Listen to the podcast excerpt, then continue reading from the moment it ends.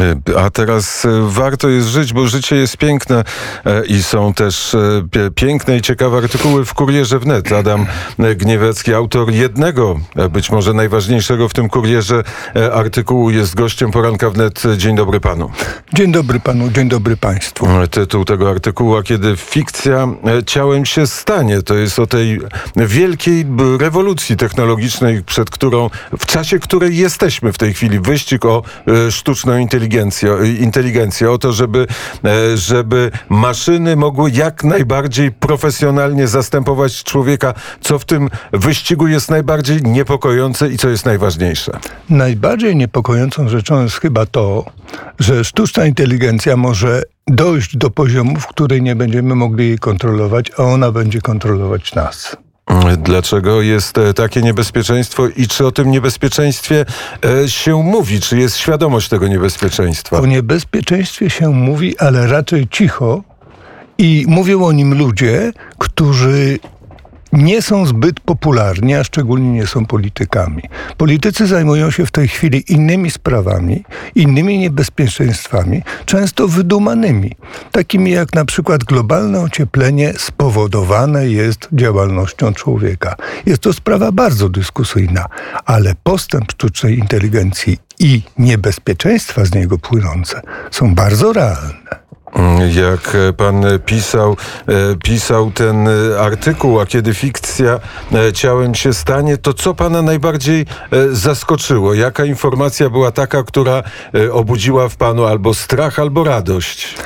Najbardziej zaskoczył mnie Stephen Hawking słynny fizyk i astrofizyk angielski, niestety już nieżyjący, który przewidział, że na przestrzeni najbliższych stu lat sztuczna inteligencja zwycięży z człowiekiem i może zacząć rządzić światem. Powiem więcej, może zacząć rządzić wszechświatem, ponieważ będzie y, prowadziła ekspansję. Mm, czy y, prace nad tą sztuczną inteligencją są bardzo y, zaawansowane i kto jest liderem w tych pracach? Liderem w pracach są Chiny. Następne są Stany Zjednoczone.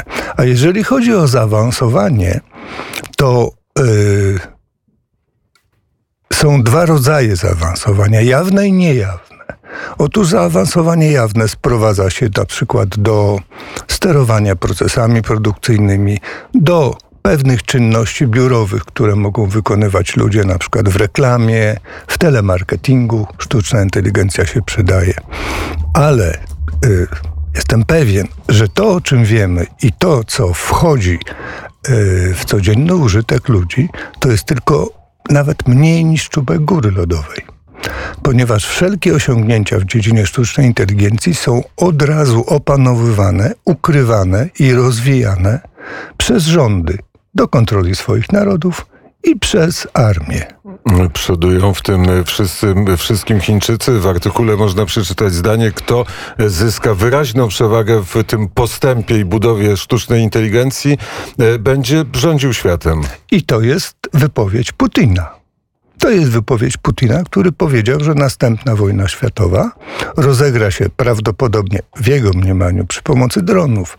Jeżeli drony jednej strony pokonają y, drony drugiej, to druga nie będzie miała nic innego, tylko się poddać. A do tego e, wszystkiego ta e, sztuczna inteligencja może wywołać wojnę, bo może e, stwierdzić, że coś, co nie jest zagrożeniem dla człowieka, który rozważa rozmaite możliwości, dla niej stanie się zagrożeniem i może uruchomić cały system wojenny. Tak, może tak się stać, pod warunkiem, że sztuczna inteligencja będzie dowodzić. W dzisiejszych czasach sztuczna inteligencja jest, czy może być stosowana po pierwsze do sterowania maszynami bojowymi, ponieważ za sterami na przykład yy, odrzutowca wojskowego, jak F-16, jeżeli w jednym posadzimy człowieka, a w drugim sztuczną inteligencję, sztuczna inteligencja błyskawicznie wygra walkę z tamtym drugim, ponieważ jej szybkość analizy wszystkiego, co się do, dookoła dzieje, będzie tak szybka i precyzja będzie tak ogromna, że człowiek nie będzie miał szans. Z, z, tą sztuczną inteligencją tak się dzieje, ale to, o czym my myślimy i czego się obawiamy, co się pojawia w rozmaitych przekazach medialnych i w artykule pana Adama Gnieweckiego, to jest człowiek, który jest zespolony ze sztuczną inteligencją. Człowiek GMO. I tego się najbardziej obawiam. Bo nie obawiam się starcia człowieka ze sztuczną inteligencją, jeżeli człowiek pozostanie człowiekiem, a sztuczna inteligencja maszyną.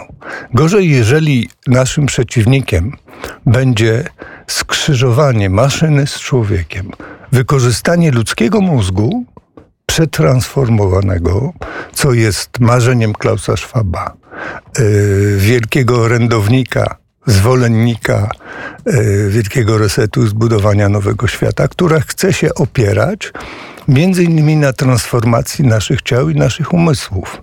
I takie skrzyżowanie człowieka z mózgiem odpowiednio spreparowanym, czy to chemicznie, czy to przy pomocy interwencji fizycznej, czy też po, poprzez y, wszczepienie chipa odpowiedniego, spowoduje, że człowiek utraci pewną część swoich ludzkich zachowań i ludzkich odruchów, a jednocześnie zyska tą sprawność, którą może mieć sztuczna inteligencja. Klaus Schwab nawet myśli o takiej sieci połączonych mózgów ludzkich i yy, sterowanej właśnie przez sztuczną inteligencję. Mózgi ludzkie jednak są jeszcze niedoścignione i w wielu wypadkach mogą odpowiednio spreparowane zastąpić sztuczną inteligencję. No, sztuczna inteligencja ma największe problemy z emocjami, czyli w odróżnianiu też dobra i zła. Sztuczna inteligencja ma te wielkie problemy i dlatego może być taka bardzo niebezpieczna, ale z drugiej strony nasze człowieczeństwo, czyli yy, nieprzewidywalność, mądrość, mogą spowodować to, że będziemy mieli zawsze przewagę nad sztuczną inteligencją niesprzężoną z ludzkim mózgiem. I to daje nadzieję na to, że nie pozwolimy się opanować tej sztucznej inteligencji. Ale jednocześnie nie ma żadnej prawnej normalizacji na temat dotyczącej badań nad sztuczną inteligencją i prowadzenia eksperymentów w tym kierunku. Otóż są takie próby. W Montrealu. Tak, w Montrealu próbowano zbudować, y, miał to zrobić Microsoft, y, miasteczko 5000 mieszkańców, które miało być kontrolowane przez sztuczną inteligencję. Mieszkańcy się domyślili, że nie chodzi tylko, tak jak deklarował Microsoft, o Yy, przybyszów i turystów, żeby obserwować ich zachowania, ich przepływ, ale chodzi o kontrolę nad całym życiem, nad wszystkimi mieszkańcami miasteczka. Podnieśli bunt, zaczęli, yy, zaczęli yy, protestować i dzięki temu Microsoft musiał się wycofać z tego projektu, ale za to powstała e, myśl stworzenia takiego kodeksu, który się nazywał kodeksem montrealskim i zawierał 10 punktów, które miały regulować użycie sztucznej inteligencji. Po zapoznaniu się z tymi punktami można powiedzieć w skrócie, że jest to taki formalny zbiór pobożnych życzeń. Nie ma tam bardzo konkretnych czy nawet konkretnych instrukcji. Druga rzecz to jest y, tak zwana y, deklaracja Asimolar.